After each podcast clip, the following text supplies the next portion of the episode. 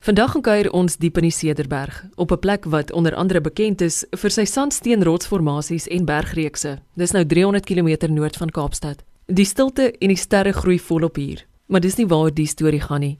'n Plaas met die naam Kromrivier is 'n plek waar die Nieuwoud familie al vir 7 generasies deelneem aan die lewe. En hierdie is ook 'n verhaal oor die derde gewildste drankie op aarde. Dis nou na water en tee. Vandag klink ons 'n glasie, nie net op die eerste mikrobrouery in die Cederberg nie, maar ook op die twee dapper brouers wat jy nou gaan ontmoet. Tanya Nieuwoud is 30 jaar oud. Met 'n meestersgraad agter haar naam is sy letterlik 'n meesterbrouer. Haar suster Melanie was 26 toe sy haar doktorsgraad in voedselwetenskappe ontvang het. En ja, sake omtrent skuimkoppe was ook hier ter sprake. Melanie is 1 jaar ouer as haar suster. Die twee entrepreneurs is die breine agter 'n vleitbier met die naam New Brew. En na ek hulle ontmoet het, was ek gretig om 'n storie oor die voorreg van familie en oor vasberadenheid met jou te deel.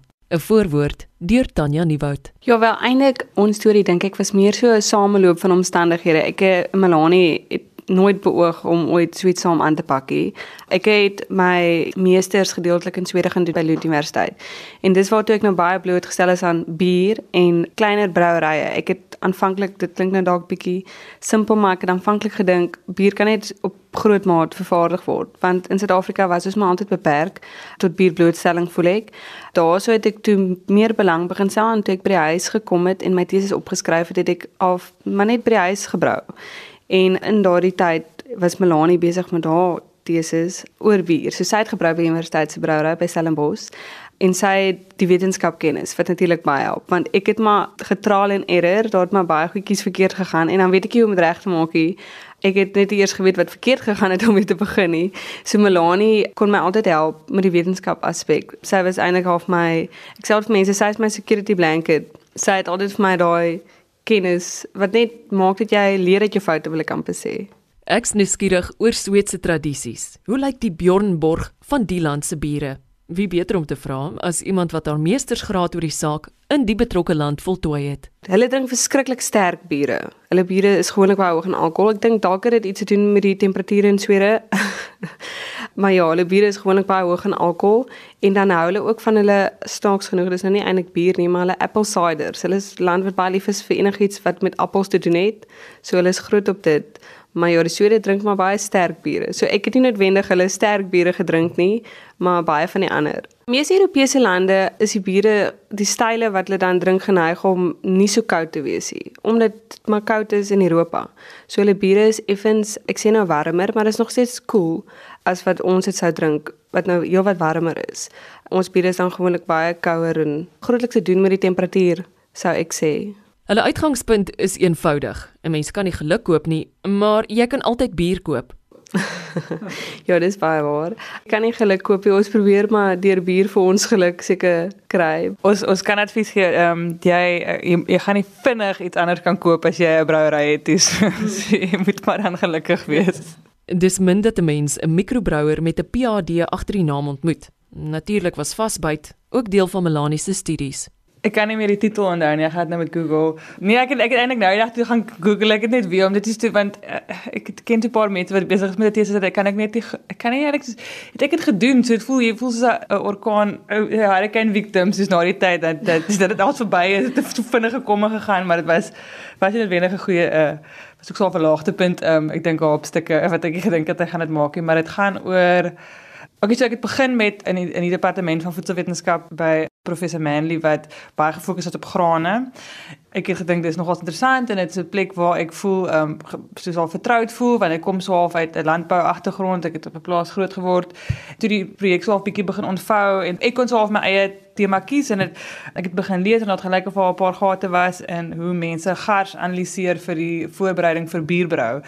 En dit het gegaan oor bierproteïene, 'n paar bierproteïene, wat sien 'n bierproteïene, maar dit daai proteïene in gars ook en hoe jy dit kan gebruik as indikators van ehm um, jou bierkwaliteit. So jy kan al op 'n garsstadium kan jy vir die proteïene toets en dan kan jy probeer voorspel wat met die bier sal gebeur oor lank as hy lank gestoor is, so jy kan rakleeftyd probeer voorspel en jy kan die skuimkop probeer voorspel. En toe vind ons op die einde uit dat die twee direk af twee proteïene wat ek spesifiek op gefokus is, die een was verantwoordelik vir skuim en die een was verantwoordelik vir 'n kort rakleeftyd en dan hoe meer jy van die skuimproteïen het, hoe meer word die ene wat die die rakleeftyd verkort geïnhibeer. So dit was nogal so was 'n novel link wat ons kon kry. Kom ons gaan terug na die plaas Kromrivier in die Cederberg. 'n plek wat vir ewig word op 'n bieretiket. Dit is in die hartjie van die suidelike Cederberg, sou ek sê. As jy 'n lyn kan trek van die kus af omtrent daar waar Elandsbaai begin, daar waar Ceres Elandsbaai hoek maak, dis omtrent waar. En as jy inry in die plaas, jy gaan eers nie weet soos jy gaan dit glad nie sien nie tot jy om 'n draai kom en die plaas gaan onder jou lê in 'n vallei. En dit is dit lyk so 'n oasis. Dis soos 'n klein oasietjie in die Cederberge. Dis net soos berge reg rondom jou en sodra jy onder in die werf is dan en jy kyk op na die vallei soos die rivier afkom, dan sien jy soos 'n prentjie van so twee pietjies wat op ons embleem ook aangedui is, maar dit lyk soos 'n prentjie. Jy kan jy kon nie vir 'n beter uitsig gevra het nie. Dis dis die mooiste foto in die wêreld. Kyk, Kromrivier is maar ons familieplaas. So ek dink ons is vier kinders. Ons is die sewende generasie op die plaas. Ehm um, so ons het maar almal 'n baie sagte plek vir vir die plaas. Ek het na my studies teruggekom plaas toe en dis maar net waar ek wil wees. Ek sê vir Melanie ook as ek in die Kaap kom, val in die stad, dan voel ek baie keer so 'n bietjie ingedruk. ek is baie lief vir die plaas. Ek hou van die mense veral altyd vir my wat daar aankom. Ek is nie middel van nêrens, maar my oupa het altyd gesê en dis altyd vir my so mooi of mense sou sê ons is so ver van beskawing en my oupa het altyd vir hulle gesê dit hang af wat jou definisie van beskawing is. Ehm um, dalk is ons die beskawing, dalk is dis aan dalk is ons nou nie beskawing.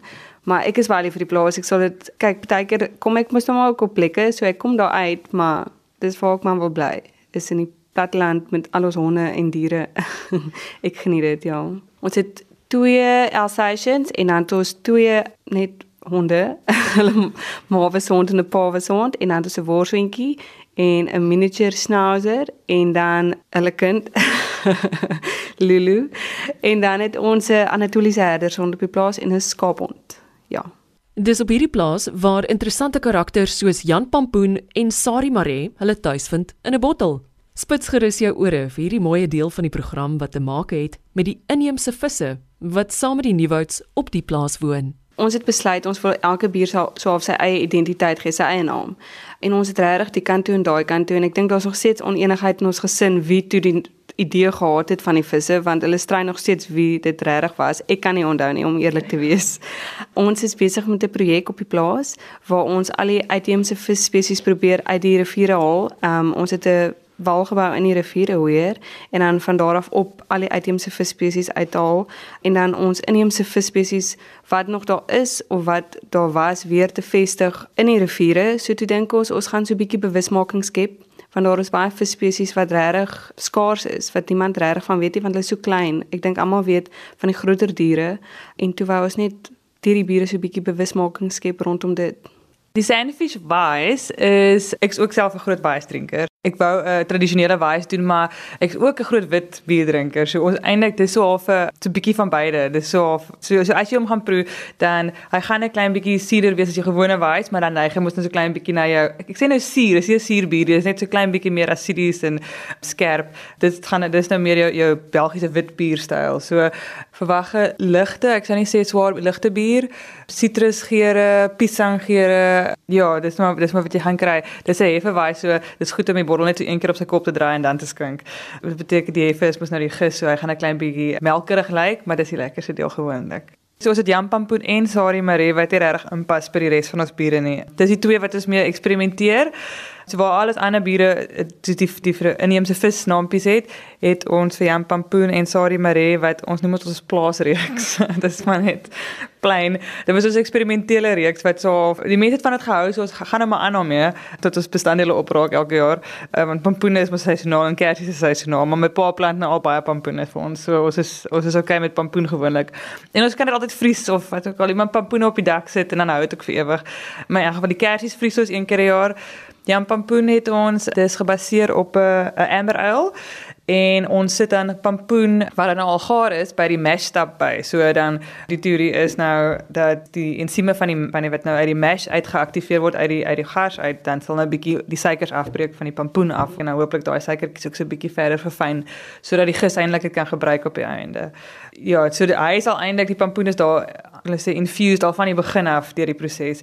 En dan uh, kan ek sommer gou van Sari Mare praat. Dis ons kersie bier en daai bier is gebaseer op 'n op 'n blond as die basisbier, maar in plaas van die kersies van die ergens in die proses in die in die, die beginstappe van die bier byvoeg gooi dit by gedurende sekondêre fermentasie wat dan net so voor die gis klaar gefermenteer is dan gooi jy die kersies by en as dit net so lekker boost van suiker weer nou begin die gis maar weer van voor af als fermenteer en uh, wat lekker is van om die kersies dan uit te haal is dat die ons lou die kersies heel so ons skep dit sommer net met 'n sif van die begin voor ons botteleer uit en dan kan jy 'n bottel En daar's 'n interessante rede waarom blondes hulle verskyning in bier maak. Ek neem aan dis maar die kleur. Ek het nog nooit so reg my moet ek gou my my safety my safety net gaan al Google. Uh, maar ek neem aan dis die kleur. Dit dit 'n blond is gewoonlik 'n baie ligte ale uh, met 'n ligte kleur, gewoonlik nie te bitterie.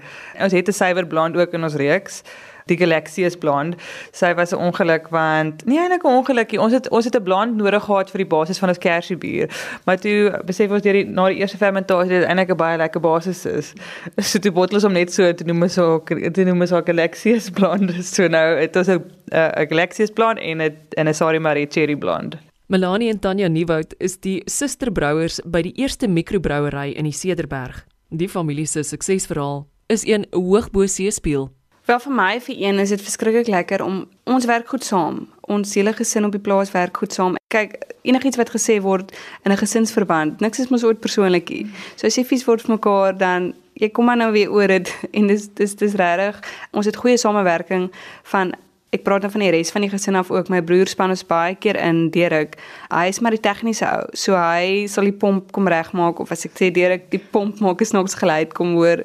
Jy moet nou kom help almal is altyd bereid om te help en my jonger sussie Nadine sal altyd kom help denke skoon maak en my ma en my pa sal altyd 'n biertjie ergens aflewer as ek vir hulle vra as hulle na kant toe ry. So dis regtig lekker in daai verband. Ons werk regtig goed saam. Ek kan nie daaroor kla nie en dis vir my baie lekker om dan op die plaas te wees en ons kan ons eie ding doen. So as ons besluit ons belangrikste ding in die brouery is die kwaliteit van ons biere, dan is dit so. Ons sal nie ons voel gelukkig dieselfde oor baie goed. So dit maak dit baie makliker. Ons het toeriste of 'n toeriste oord op die plaas. So dis eintlik baie lekker vir die bier ook want meeste van my biere kan ek op die plaas verkoop. So dis altyd 'n storie om al my bestanddele in te kry en om biere dan weer uit te stuur. So dis dis vir my baie lekker dat ek baie van die bier op die plaas kan verkoop. Ja, ons het die toeriste en dan het is daar wingerd waarna my broer omsien waarvan daar wyn gemaak word en my sussie Nadine is verantwoordelik vir die perde. Sy doen sy vat mense uit op perde op die plaas. En dan ons maar klein, ons het 'n paar beeste wat ons melk en my ma, sy maak kaas en halloumi en jogurt en goed en ons maak botter. So ons probeer redelik My vriendinne spot altyd hulle sê ons is soos die Amish, maar ons probeer regtig baie goed self maak. soos ek van tevore ook gesê, dit was regtig 'n sameloop van omstandighede want toe ek begin homebrew het of by die huis begin brou het, ons het regtig goeie water vir bier. By bier is water verskriklik belangrik, die kwaliteit van jou water. Dis omtrent 95% van jou produk. So ons het water, ondergrondse water wat regtig baie geskik is vir ons doeleindes. So toe ek nou klaar is met my studies en Melanie was klaar met hare, het ons Melanie net ook gesê kom ons gee dit 'n go want ons is eintlik in 'n so goeie situasie om net nou net te begin. Ons het goeie water, ons het die plaas waarop ons kan begin brou. Ons moet dit net 'n go gee en die hoogte bo see speel. Daar was 'n artikel geskryf oor probleme wat die SAB in Kaapstad ervaar het en hulle kon nie verstaan die dit was met hulle nuwe boilers gekry of iets soos dit. Ek is nou nie 100% oor al die detail nie, maar hulle het regtig gesukkel want hulle kon nie hulle biere die skuim gehad nie. Toe het hulle besef dat hulle het gekry dat daar nie skuim op hulle biere is nie en dat hulle resep was dieselfde as Johannesburg se brouery en hulle kon nie uitfigure wat aangaan nie en toe het hulle besef dat die Johannesburg se brouery op 'n ander vlak omtrent 2000 meter bo see speel en hulle kook al baie vroeër. So hulle hulle kook omtrent hier by 95, 98 uh in die Kaap wat hier onder by die see sit, moet kook hier by 101, 100 rond wat goeders begin kook. En teen daai temperatuur dat denatureer jy meeste van jou skuimvormende proteïene, so hulle het besef dat hulle gaan moet begin kook onder verlaagde druk. So hulle het so amper soos die reverse van 'n pressure cooker. 'n vakuumpomp. En ons is bo see speel so ons ons kook al by hoog bo see speel so ons kook al by 95. So dit beteken baie van ons proteïene bly intak wat die wat ook 'n effek het op die geur want jou jy het net baie meer proteïene wat verantwoordelik is vir mondgevoel.